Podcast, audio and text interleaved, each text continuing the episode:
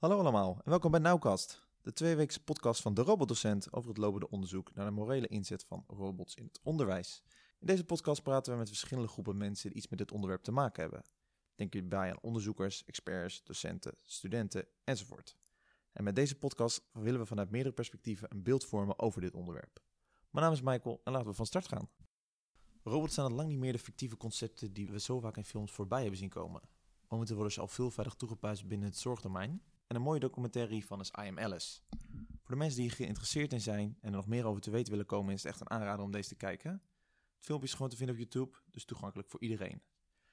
Omdat het onze eerste podcast is, zal ik even een korte intro geven over mezelf. Mijn naam is Michael en ik werk samen met nog twee collega's mee aan een wetenschappelijk onderzoek naar de inzet van robots in het onderwijs. Zoals net benoemd is het gebruik van robots al lang niet meer effectief en wordt het steeds vaker toegepast in meerdere domeinen. Een van de nieuwsdomeinen is het onderwijs. En omdat je hier bijvoorbeeld met kinderen werkt, is het belangrijk dat het wel op een ethische manier gebeurt. En daar gaat dit onderzoek dus over. Er wordt gekeken naar wat nou alle angsten en voordelen zijn en hoe je dan later rekening mee gehouden kan worden. Omdat zoals velen waarschijnlijk denken wetenschappelijk onderzoek soms nogal stoffig kan zijn, gaan wij het iets opleuken. We zullen iedere twee weken een podcast uitbrengen met één of meerdere personen die iets met het onderwerp te maken hebben. Dit kunnen dus de onderzoekers, specialisten, maar ook docenten en leerlingen zijn die hiermee in aanraking komen of gaan komen straks. Voor de eerste podcast zitten we met de heer Matthijs Smakman. De heer Smakman is degene die het onderzoek is gestart en is daarnaast ook werkzaam als docent aan de Hogeschool Utrecht bij de opleiding ICT. Welkom Matthijs, leuk dat je hier bij ons vandaag aanwezig kan zijn. Ik heb uh, in het kort al een beetje verteld uh, wie je bent en wat je eigenlijk doet, maar het leek me misschien leuk dat je zelf nog een korte toelichting erop kon geven. Heb je toevallig een korte elevator pitch, dat de luisteraars weten nou ja, met wie ik eigenlijk vandaag zit? Oef, een elevator pitch. Nou, daar komt hij. Ik ben docent bij de HBO-ICT-opleiding en ik richt mij op de afstudeerrichting Business IT en Management. Dus ik kijk met mijn uh, studenten hoe bedrijven of organisaties ICT op een goede manier kunnen inzetten. Dat doe ik drie dagen in de week. En daarnaast promoveer ik twee dagen in de week aan de VU in Amsterdam, dus de Vrije Universiteit. En tijdens dat promotieonderzoek onderzoek ik hoe robots op een verantwoorde manier in het uh, basisonderwijs ingezet kunnen worden. Oké, okay, dankjewel. Dat klinkt als een aardig uh, druk schema. Zeker, ja. Het is uh, druk genoeg. Maar wel in ieder geval lekker divers, dus dat scheelt. Nou, leuk. Allereerste vraag, voordat we nou echt de diepte induiken die ik had over dit onderwerp, is hoe ben je nou eigenlijk in aanraking meegekomen? Ja, ik ben eigenlijk altijd al wel geïnteresseerd geweest in robots. Uh, natuurlijk eerst mijn interesse is gewekt door de sci-fi films. De, films die we allemaal kennen, zoals Terminator of iRobot. Um, als kind keek, keek ik die films dan. En later uh, in mijn werk kwam ik robots tegen en toen raakte ik eigenlijk gefascineerd door de band die je al vrij snel hebt met zo'n robot. Dus je, op het moment dat je een robot aankijkt en die robot hoeft maar oogjes te hebben, of je, je gaat er naar kijken. En je houdt het een beetje in de gaten. En uh, soms ga je er ook tegen praten, alsof je tegen een klein kind staat te praten. En die interactie heeft me altijd gefascineerd. Dus het lijkt net of er een soort band ontstaat. En dat was wel, hoe kan dat? En, uh... Ja, precies. Wat, wat gebeurt daar precies en hoe creëren we die band? En nou ja, het is natuurlijk een beetje gek dat je tegen een stukje techniek aan zit te praten. Ja.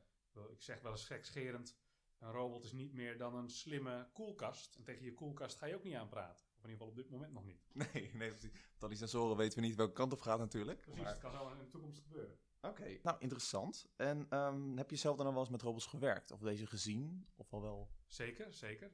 Uh, wij hebben op de VU in Amsterdam uh, maken wij uh, met name gebruik van robot Alice. En daar kijken we met robots hoe wij de zorg kunnen verbeteren. En wat de effecten van die robots zijn in de zorg. En op de Hogeschool Utrecht werken wij met name met de Pepper robot. Dat is een wat grotere robot, de grootte ongeveer van een, nou ja, van een 12-jarige ongeveer. En nou, die, die volgt je ook, die kan je, je gezichtsveld volgen. En die kan achter je aanrijden. En daar werk ik wel uh, uh, direct mee. Ja. Oké, okay. nou, dat klinkt ook heel leuk. En als je dat nou zo ziet, wat waren nou je eerste gedachten? Dus je, je vroeg je al wel af waarom iemand zo'n band kan vormen. Maar vind je dat zelf juist wel mooi? Of dan... Nou ja, ik vind het heel, uh, heel gek dat je, ja, als je eerste reactie is van, oh wat een schattige robot. Of die robot wil ik even over zijn bol aaien. terwijl het niet meer is dan een, dan een stukje techniek, dan een laptop. En die, een laptop vind ik niet schattig. Dus waar zit het dan in? En wat voor uh, rollen kunnen die robots dan in de toekomst uh, gaan, uh, gaan vervullen? Je hebt robots uiteraard al jaren in de industrie, die auto's in elkaar zetten. En nu zie je dat die robots ook steeds meer in een sociale context komen, zoals de zorg, zoals in ziekenhuizen, als in verzorgingshuizen, maar nu ook in, in onderwijsland.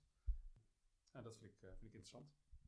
Oké, nou, klinkt in ieder geval heel leuk. Um, ik had het begin ook al inderdaad al verteld dat uh, we nu het nieuwe domein gaan verkennen eigenlijk. Ja.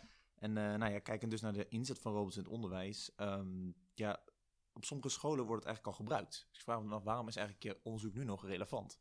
Ja, ja. als je kijkt naar robots in het onderwijs, dan zie je dat robots uh, al een aantal jaar gebruikt worden, met name als programmeerobject. Dus kinderen leren programmeren door een robot te programmeren. Ze schrijven letterlijk een stukje code of klikken wat blokken in elkaar en dan gaat die robot bewegen. Nou, dat vinden de kinderen leuk, want dan zien ze, en ook goed voor de leerervaring direct, wat ze gebouwd hebben. De robots waar ik het specifiek over heb, zijn de robots die echt als docent op gaan treden. En die dus echt gaan zorgen voor de kennisoverdracht door middel van sociale interactie. En dat is echt nog wel heel nieuw in Nederland. Er zijn nog maar enkele scholen die, dat, uh, die daarmee experimenteren. En dat is nog niet uh, uh, iets wat groots geadopteerd wordt door scholen. Dus echt nog wel een novelty, zoals we dat noemen. Hmm. Oké, okay, en dat is ook misschien de reden waarom je dus dit onderzoek bent begonnen? Omdat er gewoon nog niet veel over bekend was? Of? Uiteraard, een van de belangrijke ehm, redenen om onderzoek te doen... is dat het maatschappelijk relevant is. En dit is een onderwerp waar nog niet veel onderzoek naar gedaan is. En waar ook de voor- en nadelen van die robots nog niet precies bekend zijn... Uh, laat staan de ethische uh, consequenties of de ethische issues daar rond. Um, dus ja, daarom is dit onderzoek gewoon essentieel dat het er komt. Ja, nee, zeker. Ik vind het ook wel mooi om te zien, want iedereen heeft wel een eigen mening erover. Als je, je kan het over, iedereen heeft, heeft wel iets over te zeggen. Ik, ik, reed, dus ik, uh... ik, reed, van de week nog met een robot door ons gebouw heen. Nou, dan zie je iedereen kijken. Zo van, hé, hey, wat, wat, wat loopt daar nou? Dus mensen vinden het interessant en, en worden toch een soort van geprikkeld door zo'n robot. Oké, nou, het klinkt al wel heel interessant. Um, wat zijn eigenlijk de verwachtingen die je bij dit onderzoek hebt? Wat hoop je dan te bereiken aan het einde van het onderzoek? Welke kant wil je? Aan het einde van dit onderzoek, dus uh, over uh, een jaar of vier, moet er een richtlijn liggen, of een zogenaamde Code of Conduct, over hoe basisscholen robots op een verantwoorde manier kunnen inzetten. En verantwoord betekent in ieder geval in mijn context rekening houdend met de normen en waarden van de verschillende betrokkenen. En betrokkenen moet je bijvoorbeeld denken aan ouders of kinderen of uh, uh, schoolleiding. Maar uiteraard ook de robotbouwers die robots in elkaar zetten en uh, ja, die, die, die, die robots echt designen en programmeren. Die, die moeten ook een soort richtlijn hebben waarbinnen ze of waarmee ze rekening kunnen houden op het moment dat ze het ontwerpen. Net als de docenten een richtlijn moeten hebben om te kijken, oké, hoe kunnen we dit op een verantwoorde manier doen, dat niet ouders gaan protesteren. Of dat hun eigen baan ook op een uh, goede manier uitgevoerd kan, uh, kan worden. Oké, okay. dat vind ik wel een hele mooie uh, benadering. Want vaak zie je inderdaad, als de techniek mogelijk is, dat mensen hem gewoon gaan inzetten. Ja. Maar dat niet echt duidelijk is ja, wat voor effecten dat nou zijn. Dus dat snap ik zeker.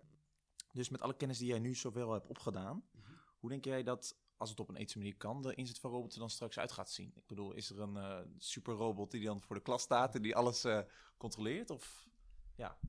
Uh, ja, inter interessante vraag. Dus uh, je, je, vraagt me eigenlijk hoe ziet die ethische robot eruit? Nou, als ik dat nu zou weten, dan zou mijn onderzoek ook uh, niet meer nodig zijn. Oh. Maar kan je wel een aantal, aantal ethische afwegingen maken. een van die vragen die we ons, ons stellen in ons onderzoek is: hoeveel van het basisonderwijs willen wij overlaten aan machines? Je ziet dat kinderen op de basisschool al veel met laptops doen dat veel digitaal gaat. Nou, dat is natuurlijk fijn, want hoeven, die, uh, hoeven kinderen uh, ook in het middelbaar onderwijs geen zware tassen bijvoorbeeld meer te dragen.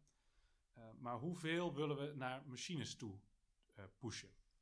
En hoeveel willen we bijvoorbeeld door een robot laten doen? Of vinden wij menselijk contact een belangrijk onderdeel van onderwijs? Dus neem bijvoorbeeld dat onderwerp menselijk contact. Ehm, wat schijnbaar een belangrijk thema is, komen we nu achter en wat ook wel intuïtief zo voelt. Uh, kan je bijvoorbeeld kijken, moet een robot de dominante leraar worden? Moet bijvoorbeeld 50% van het onderwijs gegeven worden door een robot? Uh, of moet 80% worden gegeven door een, door een docent? Nou, met dat soort vraagstukken zijn we een beetje aan het, uh, aan het stoeien. En je ziet dat ouders en leraren zich steeds bewuster worden en een steeds voorzichtigere houding krijgen naar technologie. En wij proberen juist de vooroordelen van die technologie in kaart te brengen ten opzichte van de nadelen van die theorie, van de technologie, om daar een goede balans in te vinden. Oké, okay. Oké, nee, dat is eh, zeker wel heel goed. Ehm, ehm, ja, dan kijken naar de eh, eventuele common myth. Die ik eigenlijk, eh, dat zijn Ja. de standaard ja, dingen die rondgaan. Heb je daar een paar voorbeelden van die er al rondspelen? Nou, een van de, van de grote eh, mythes, zeg maar, of de grote veronderstellingen, is dat die robot de docent helemaal gaat vervangen. Dat is absoluut eh, niet het geval. Die robot, zeker op dit moment met de huidige technologie, kan in beperkte omgevingen op een goede manier onderwijs, op een effectieve manier onderwijs overbrengen. En dat is zeker niet een robot voor een klas van 24 kinderen, bijvoorbeeld. Dat, daar is die robot nu nog niet in staat. Dus die docent blijft gewoon een hele centrale rol hebben in het onderwijs. De, de menselijke docent heb ik het dan over. Ehm, en die robot gaat daarbij ondersteunen. Die robot werkt bijvoorbeeld wel goed in kleine groepen of individueel. Maar voor zo'n klas als totale vervanging van een leraar, dat is echt een, een, een mythe. Dat gaat in de komende jaren niet gebeuren. Oké, want ik had het toevallig ook met eh, wat medestudenten ook over. En die zeiden al van ja, als er dan echt zo'n robot voor de klas staat, dan vraag ik me toch wel af in hoeverre het dan nog echt is. Of in hoeverre ik dan nog naar de college hoef te komen. Want ja, het is, het is toch geen mens. Dus ja, waarom kom ik dan? Ja, ja, kijk, dat is zeker met studenten natuurlijk zo. Eh, bij bij eh, leerlingen op basisonderwijs zijn allemaal nog leerplichtig. Dus die zullen wel naar school toe moeten komen. Eh, maar je zou bijvoorbeeld wel kunnen kijken, als je zo'n robotje hebt, ehm, kunnen we dan niet die classroom of dat klaslokaal wat uitbreiden, bijvoorbeeld ook naar thuis toe. Als jij thuis met een robot kan leren, één op één, en die robot is jouw, eh, jouw docent, zullen we maar even zeggen, dan biedt dat thuis met huiswerk maken ook weer allerlei mogelijkheden. Oké, nee, dat klinkt in ieder geval ook heel leuk. En is dat de grootste common myth of de enige? Of zeg je van, nou ja, dit is ook wel iets wat zo rondgaat en dat is nou echt, dat klopt niet helemaal? Of... Een andere eh common myth is misschien dat die technologie eh, al heel ver is. Als je kijkt naar de experimenten die nu plaatsvinden, dan vinden die vaak plaats in een zogenaamde Wizard of Oz opstelling. En dat betekent dat die robot staat in dat klaslokaal of die heeft interactie met een kind. En, maar die robot is nog verbonden met eigenlijk een soort operator of iemand die die robot bestuurt in een, ander, in een andere ruimte of in ieder geval afgeschermd. Ja, dus de menselijke factor zit er nog steeds bij. Er zit, er zit op dit moment nog vaak, vaak zeg ik, een eh, mens achter. Achter de knoppen. En er zijn al wel wat experimenten waarbij die robot compleet autonoom functioneert.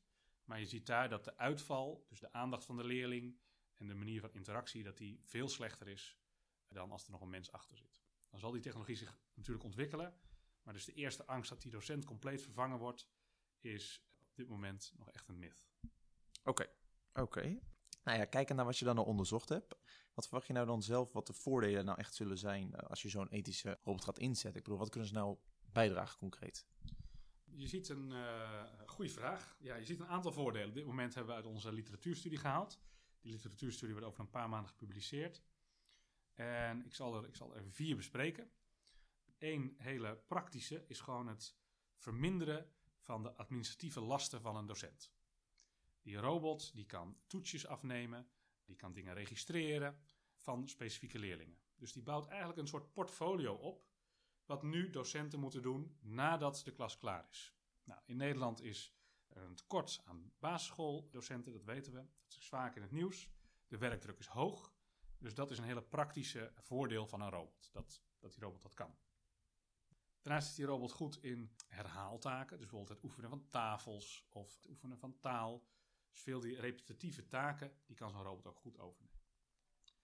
Een tweede punt is dat in sommige situaties kinderen sneller en beter leren met zo'n robot.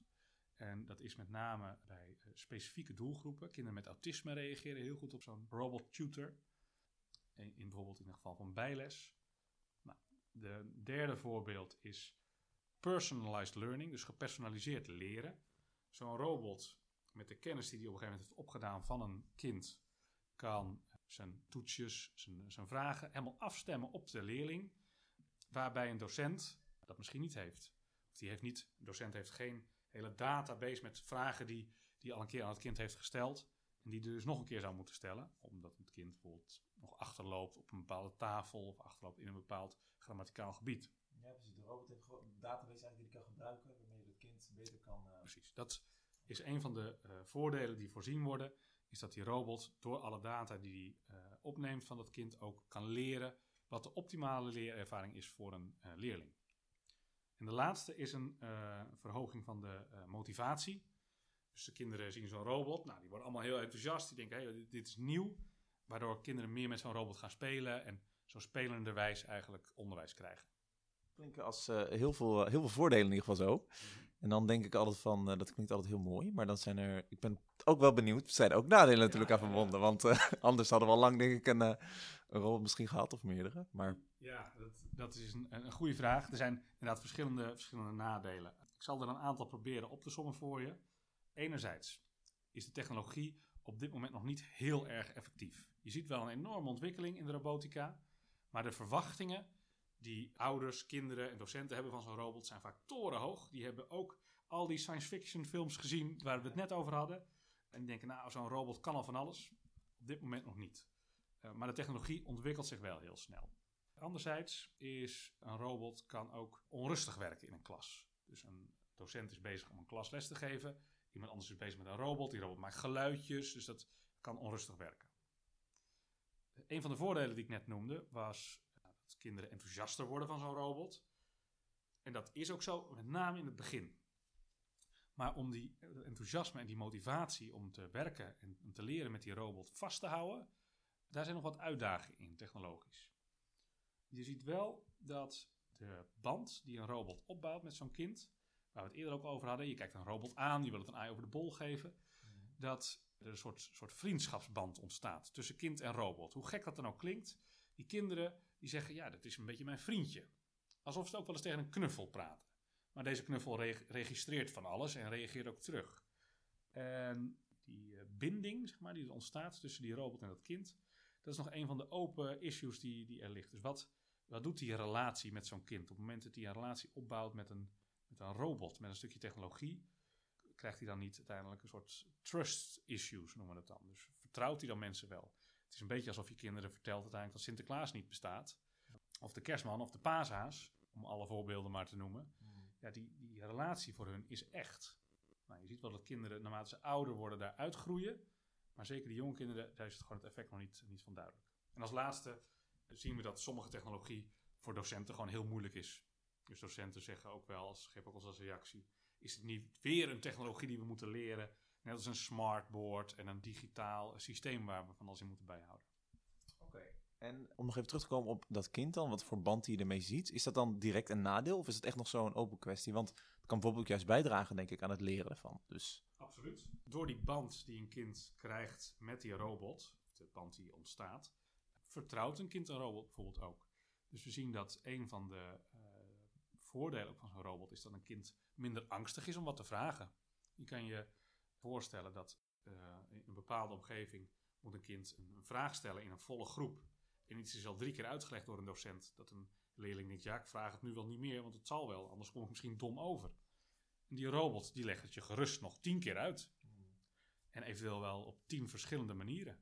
Dat kan zeker wel een veilig gevoel geven als ik dat zo, ja, ja, je kan je voorstellen dat je misschien iets makkelijker vraagt aan een robot nog een keer dan in een volle klas met een, met een docent die iets al drie keer heeft uitgelegd. En misschien wel met zijn ogen rolt zo van, ach, daar heb je hem of haar weer. Ja. Dus bij die waar de grens ligt tussen een nadeel en een voordeel is nog wel even een uh, puntje om te onderzoeken dus. Ja, dus de, de sociale kant, de bindingkant heeft enerzijds voordelen. Mm. Dus vertrouwen die robot meer. Aan de andere kant is die robot geen echt mens. Het is een stukje technologie.